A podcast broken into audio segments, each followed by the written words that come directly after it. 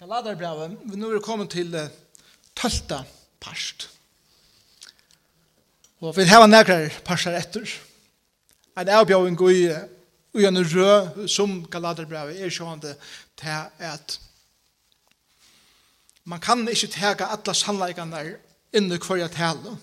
Og då er det viktig at man er i en rød at man fer helder myndene vi så tror jeg til dem som er det, så, så tar jeg ikke bare en part av sånne maler røyne som er røyne maler.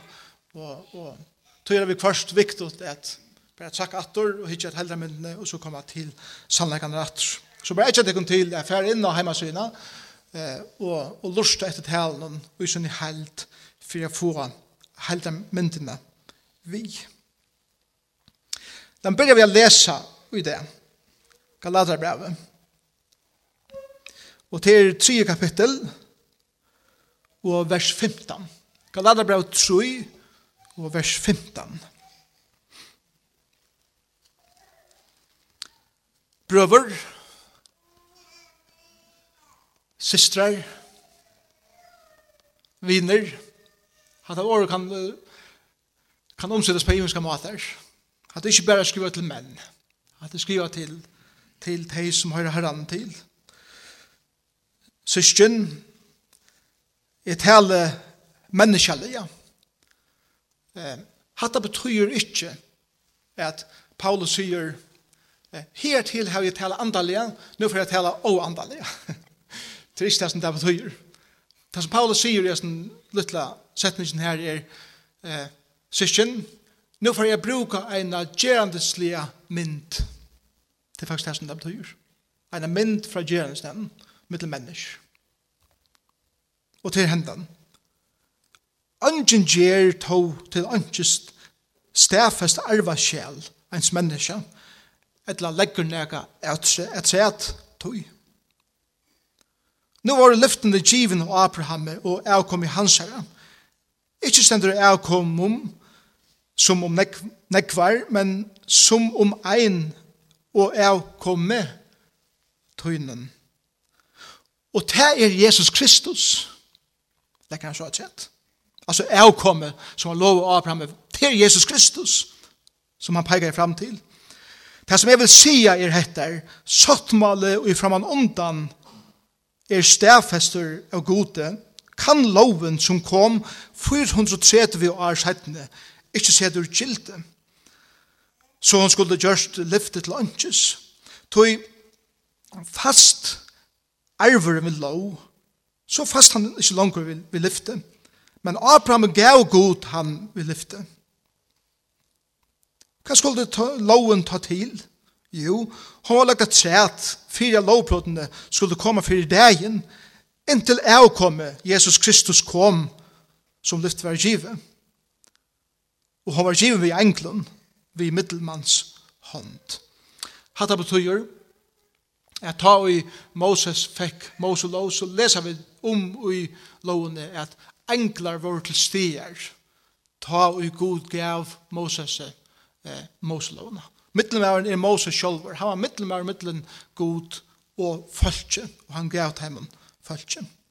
Eller lovene, gav følgen lovene. Men mittelmæren er ikke fire best ein part, men god er ein. Hatta verset sier, at minst til Gud er den samme, den samme Gud som gav Abraham lyfte, som gav Moses lyfte. Okay? Så, så uh, til ikke noen motsøkende middelen til som Abraham fikk fra gode og til som Moses fikk til jo spurningeren. Så jeg tenker spurningen kommer vers 21. Er ta loven i motor lyften Guds, altså mot Moses lov og lyften Guds til Abraham for nøren. men igjen så, hvordan omsider vi tatt her i lyftene? mega nøy. Ja, vær loven given som kunde gjørs livande, så kom rattvisen verliga av lov. Men skriften hever lagt alt inn under synd, for at her som lova vær, skulle vi trygg av Jesus Kristus, vera taimun give som tryggva sindra innviklar tekster. Det er lesa han i sindra så hva vi venter hettar, og så vi er. Og minst til, vi er nå i teologiska, eller god frøyslige parten av hessum braunen, og Paulus, han, han sier øyne imens ting som hvis man ikke gjør innliden ut det, kanskje ikke gjør oss noen mening, og tog er det er min oppgave er røyna at se det hette på omkring måte sammen.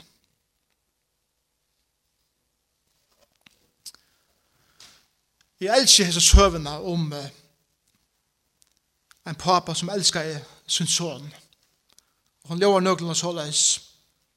Flotter og dyrer målninger prutte vekkene der i husen. dem. I store stovene hinko målninger etter Picasso, Van Gogh, Rembrandt, Monet og andre. Og ikke nivar om at list hei er størst hjärsta og hesen heime.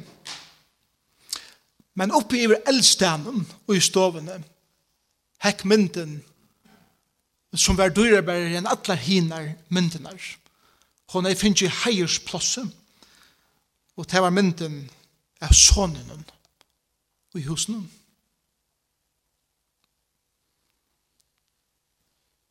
Mæveren som åtte listaversene var ikke mæver. Mæveren Og for noen år siden har han mist sin enkarsson. Han døg tar en røndi av bjarga i nøren hermanne i krutje. Og etter seg papen ensam alder. Og syrte sin sønn. En dag en benkar på dittnar. Og i horene stender en annar maver ved en stor pakka i håndene. Og sier Jeg er hermaveren som sånner tøyen, gav oss et liv for å bjerke og i krynen, så vi var sammen og. Sånne tøyen, eller sånne tøyn sier mer ofta fra til tikkara karlæga til og ahua ui list. Jeg er ikke noen listamalare, men jeg har rønt at mala en mynd, som er feien vil gjeva til her. Papen åpnar pakkan, og alert noen ser han anlitsmyndene av sin egna sønne, så vekker smala jeg. Men av sønnen ble han dyre bærest. Av øtlen hinnom, ved Picasso, Van Gogh, Rembrandt, eller Monet og andre.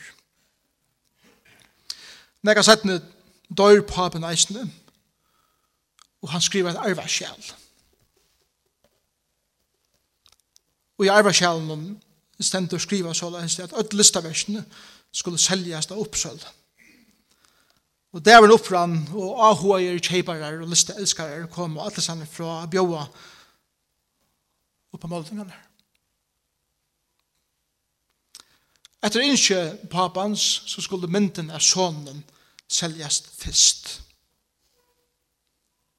Og ta oppe sølan byrja i, hei ungen ahua a kjeipa til myndina. Det vil du slippa vujar til å kjeipa Picasso, Van Gogh og hinne. Men oppåsaldaren sier at ønsken blir selt for målningren sonen, sonen er selter. Og en eldre maver som satt i fjöltene helt at han kunne bjóa nekra kroner på målningen. Så han har haft samband vi papen, han har arbeidt sammen vi, og han kjente eisne nega til sonen. Og han var seltur hos mannen. Nå glødde ødse til å slippe vøyere, å bjå på, tar dyre og flotte målningene her. Men öll stå fullkomna bilsen där uppsål i haltaren säger att uppsålan er lio. Og ta vi opp øst og kjeibarne spurte hvordan kan det være til at du lukkar det her nu så sier han så leis og i arva någon noen sender skriva at han som kjeibar myndene av sonen fer alt hit. han som fær sonen, fær alt.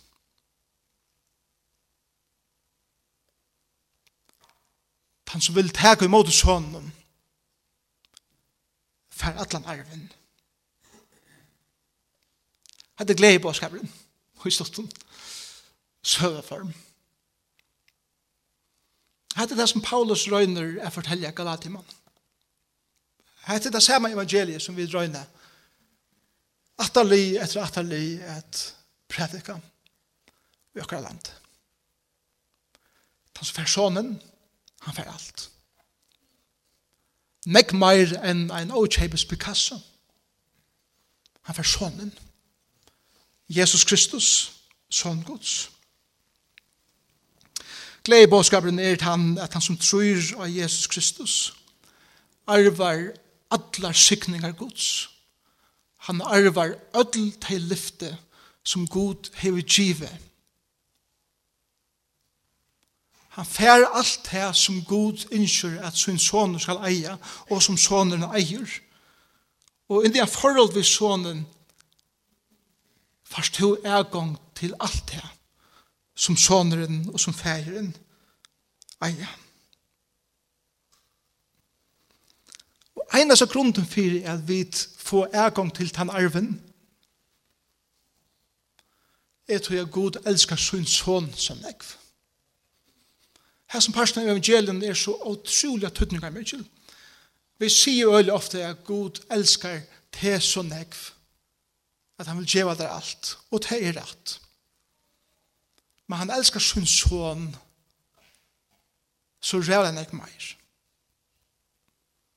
og til soneren som er i tjattnene og i sentrum av evangelien.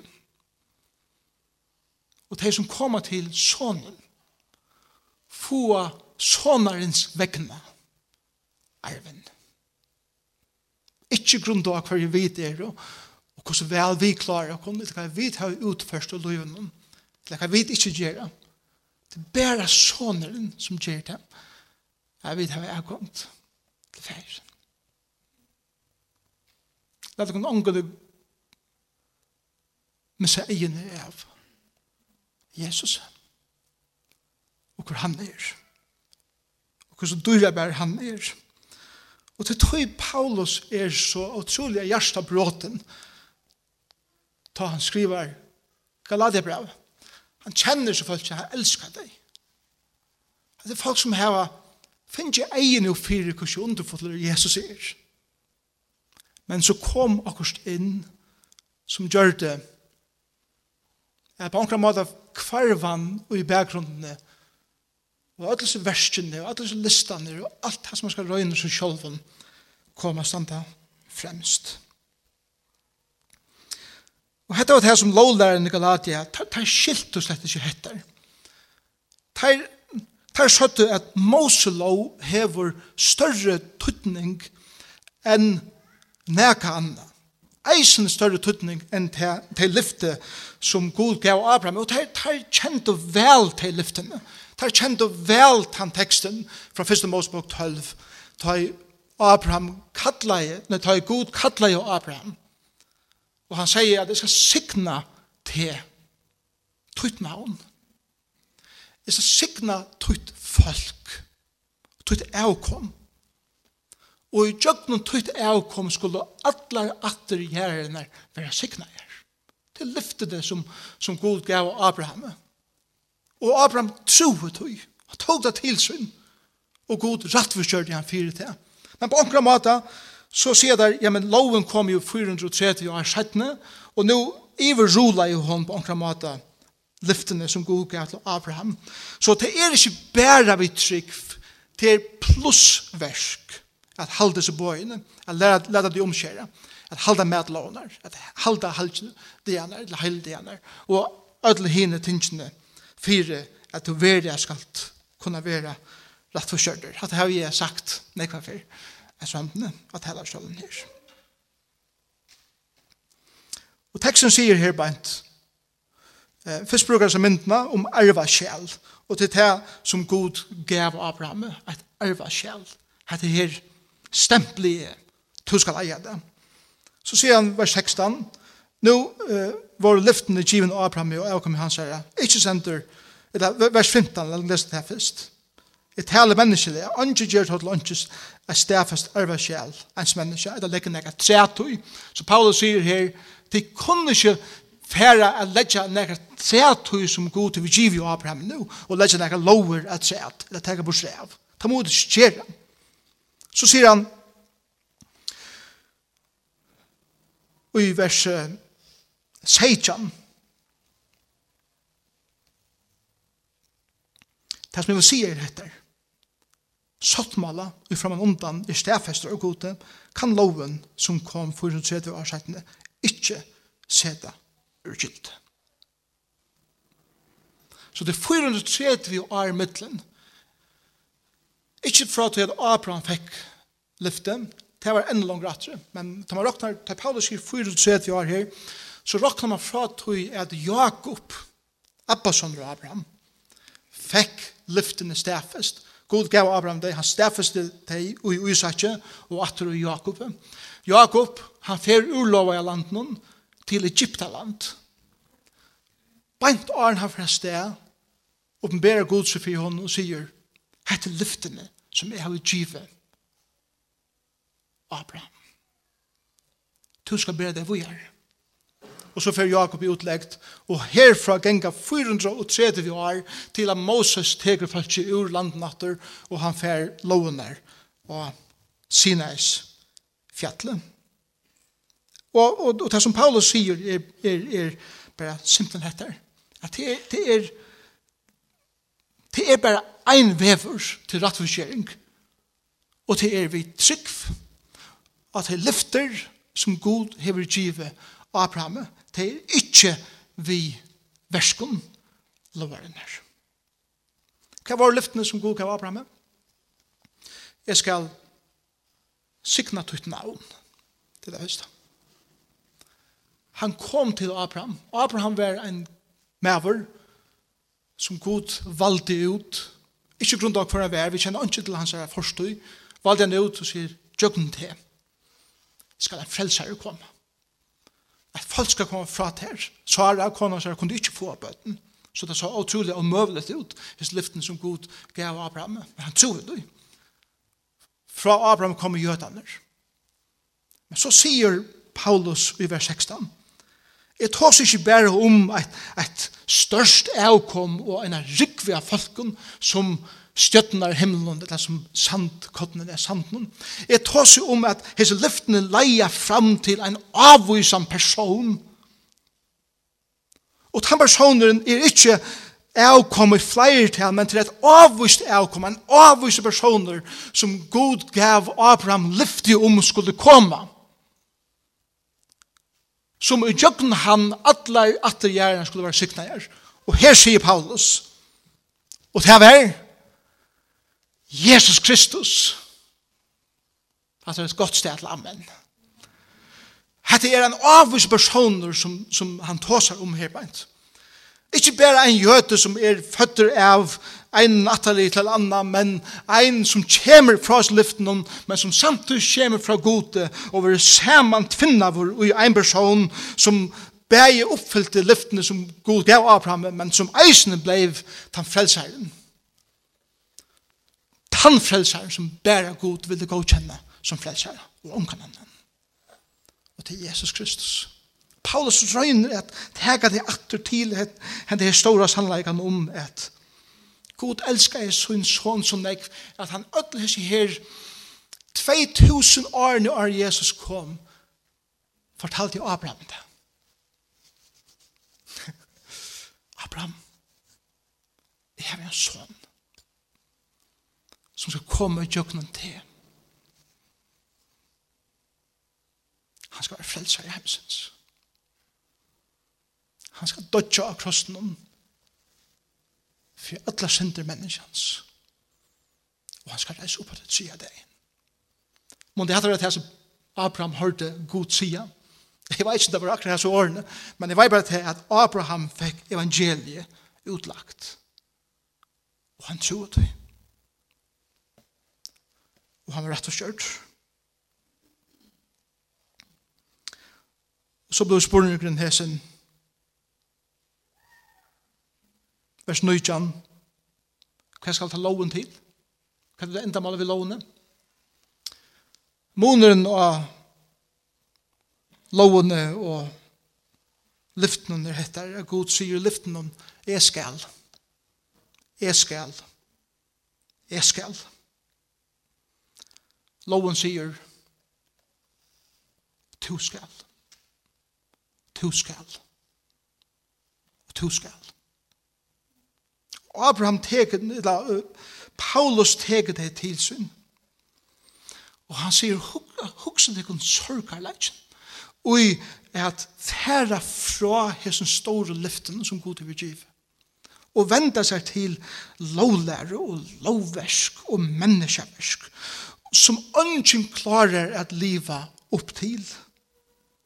Paulus er over nytt, eller hør vår, skila lekkskalater.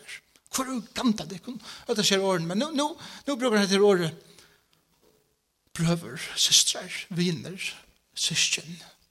Nå er det mer som er papen som setter seg nye og vil så øyla gjerne vise som bøtten og en bedre lei enn henne som de har valgt. Og han sier så i svitt deg livet ditt lantjon og ta i lunch der, løs der.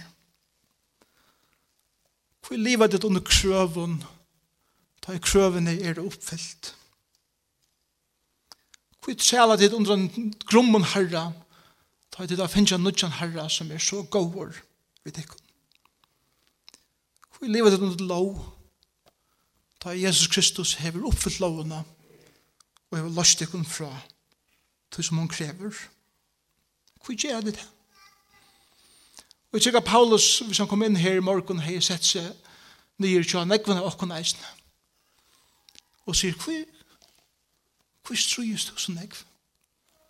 Vi har røyna livet opp til et eller annet, og du er heldre god for å elske det mer, til han elsker det perfekt. Hva røyna livet opp til det som en annen gjør, og for å lykke som han, og Ta i god til å skapt det så underfullt til å være til. Og ikke noe annet.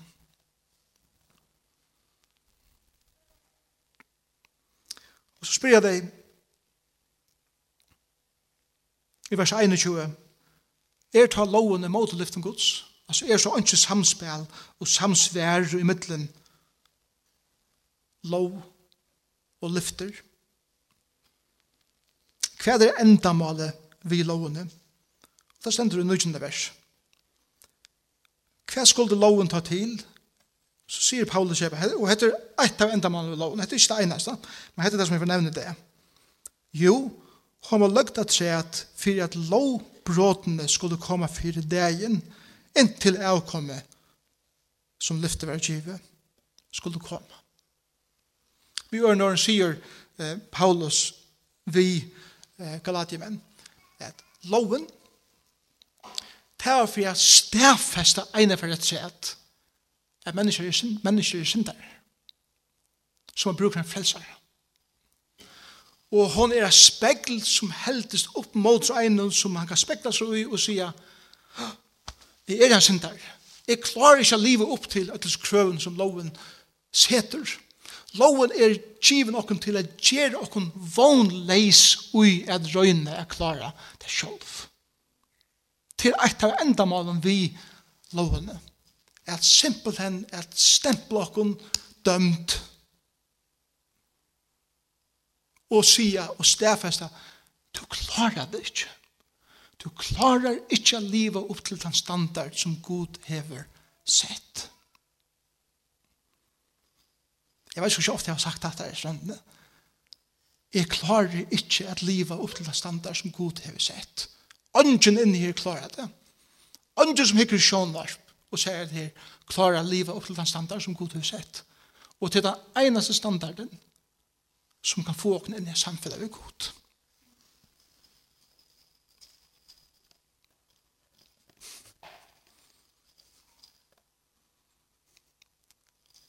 Og vi eier føler et vonløse Vi eier føler dere fortapt. Og hjelper leis.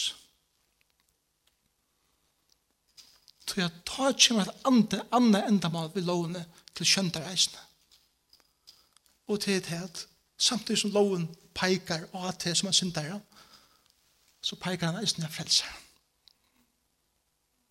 Du klarer det ikke, men her er en som har klarer det. Fær til ham. Du klarer det ikke. Her er en som har klaret det. Fær til han. Og loven, samtidig som hun bryter oss nyer, viser oss veien til Kristus.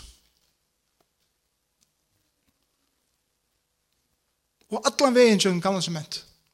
Alla disse lovene, alle disse, disse semeniene og alt dette her. Ta til Kristus og i ljøsene Det er ikke at tog og ljøsna Kristus, så blir alt det utrolig underfulle mynder av hvor Kristus er. Ødelig tingene i loven. Så loven er rævlig, men fantastisk. Til det som Paulus sier i hesten her breven. Samsføres loven og Moses, som Moses fikk, ikke ved lyftene som Gud gav Abraham. Mot sier det for nøren, og Paulus sier, mega nøy. Mega nøy mega nøy. Fyrsta endamal vi lovene var vysokken at vi og jokken sjålen ikkje kunne klare det. Hitt endamal er vysokken at ein hever klare det, og at vi skulle vente okken til ham som hever klare det, som lyfte som god gav Abraham hver heila tidsje om. Loven viser okken at vi må trykva lyften gods. Loven skuldsetter okken for å vise okken at Kristus hever sett okken fru. Kristus Loven dreper okken for jeg viser okken at Kristus er gjørst okken livande.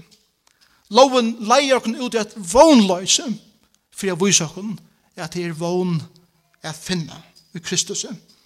Loven tryster okken nyer for at Kristus kan lytte okken opp. Hatt er sannleisen som, som Paulus røyner å lære galati menn og okkom. Og oppsålene fikk ønske mynden av sånnen vi har kjeipa öll hina listaversene fyrst. De måtte kjeipa sånnen fyrir jeg få listaversene. Og samme hatt fyrir ønsken Jesus Kristus vi at liva rattvust. Ønsken vi var bare rattvustgjørt vi har fått sonen først. Jesus Kristus. Hvor er arveren som han snakkar om i sin teksten? Arva skjale skriva, god og utgive lyftene. Sonen vær avkomme. Hvor er arveren?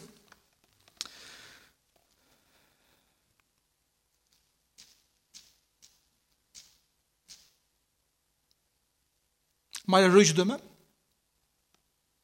flottare bilar, bedre hus, bedre starv, bedre perla, færre troblegar, mega nøy. Det er ikke svær. Arveren tror vi er er at for å spekle å få egene opp for Jesus, av herrene sammen med godet, og ta for å gjøre oss skjønneligere og skjønneligere for hvert år vi kommer nærre herren. Og Og jeg har skrivet det ned i en setning som jeg har rønt og huksa vel i kjøkkenen, som jeg skal lese opp. Hette er arveren, som jeg opplever mer og mer. Det som har trytning er ikke best at jeg kjenner god, men at god kjenner meg. Mitt navn er rist og i hender hans herre.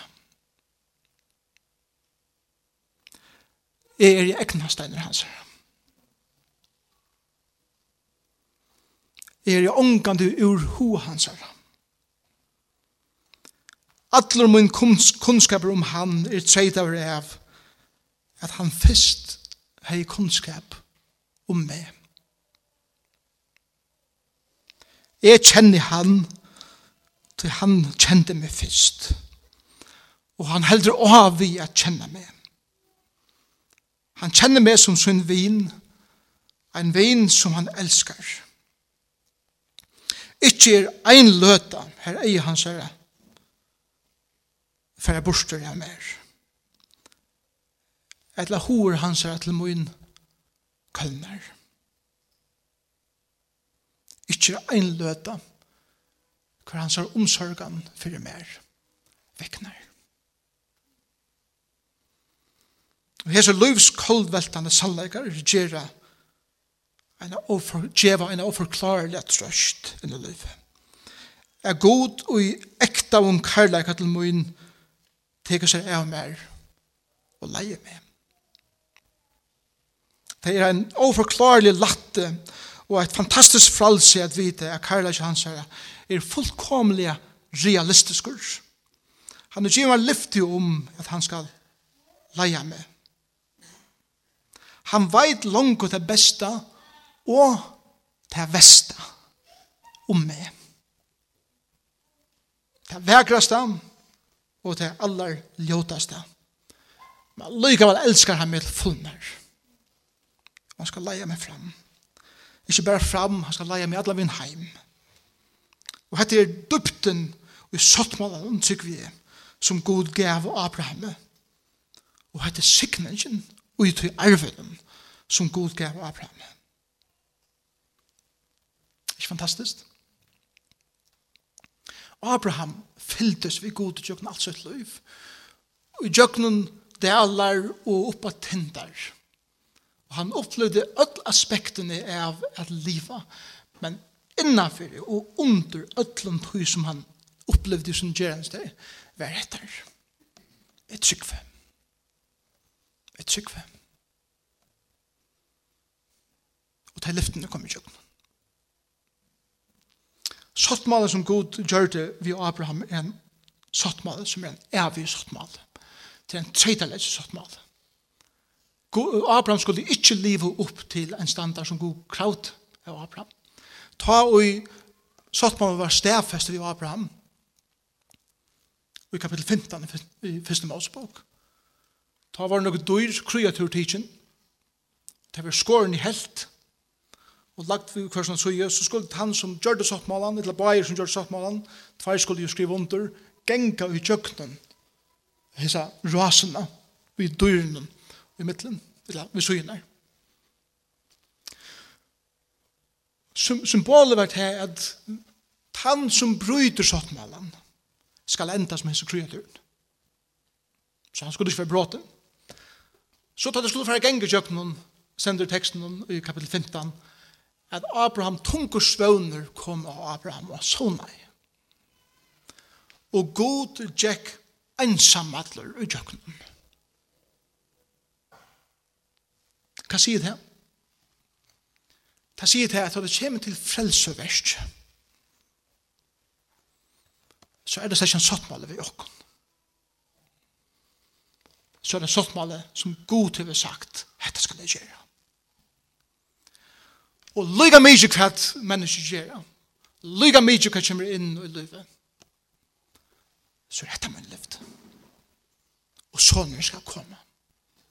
Og han er kommet. Og han er det Jesus Kristus. Og da det kommer til frelseverset,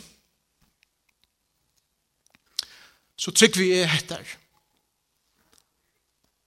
At frelseverset kviler ikke av hver er og hva det er vi gjørst og det kvile bære at han løftene som god til vi kjive. Og tei halta. og han tjekker jøkken det. Og så god bryter tei løftene som han er kjive, så er han enda som hans kreatørene. Og tog bryter han ikke sånne left. Ongan tog. Han bryter ongan sin lefte som han er kjive der og mer. Han som fær sonen fær eisne alltid. Ikke bare noe kjemiske Picasso. Det er sånnen. Det var Jesus Kristus. Den største arven som du kan få inn i samfunnet vi han. Vi kunne strepa sånn at vi gjør en rydstømme at vi missa tuttningen av å kjenne sonen. Vi kommer nærkjen inn i det heime, så får vi nærkjen ut av urattvisen heime. Det eneste som er tuttning til alt som til alt er hever to et samfella vi sonen, Jesus Kristus.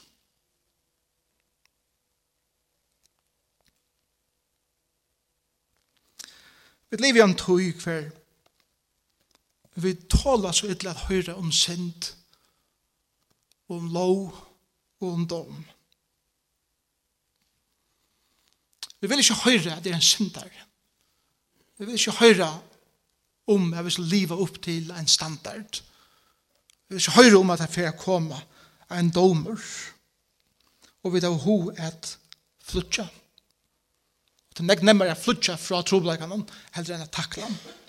Trobleikene bare vi tar det kommer til hettar. Er til at om vi flutja fra sannleikene som loven viser oss at vi er syndere, og vi er fortapt hvis vi flutja, blå via flutja fra tog, og ikkje flutja til Kristus, så vil løyvi enda mer meningslest, og enda tengre, og enda vånleiser. Etla må vi hera okkur så nek, og blå så usakalt, at ønske gjermon. Etla, jeg flutja til Kristus. Og til er møtt på. Og til er som Paulus gjør i mannen. Og til det som loven eisen sier. Flutja til Kristus. Han er koldt i alt. Her som er en oppsålende, han betalte nære kroner for sonen. Men vi behøver ikke betale for sonen. Han har betalt alt. Jesus døy for tøyne synd. Og han har åpnet veien til at her er kommet ned samfunnet vi feiren.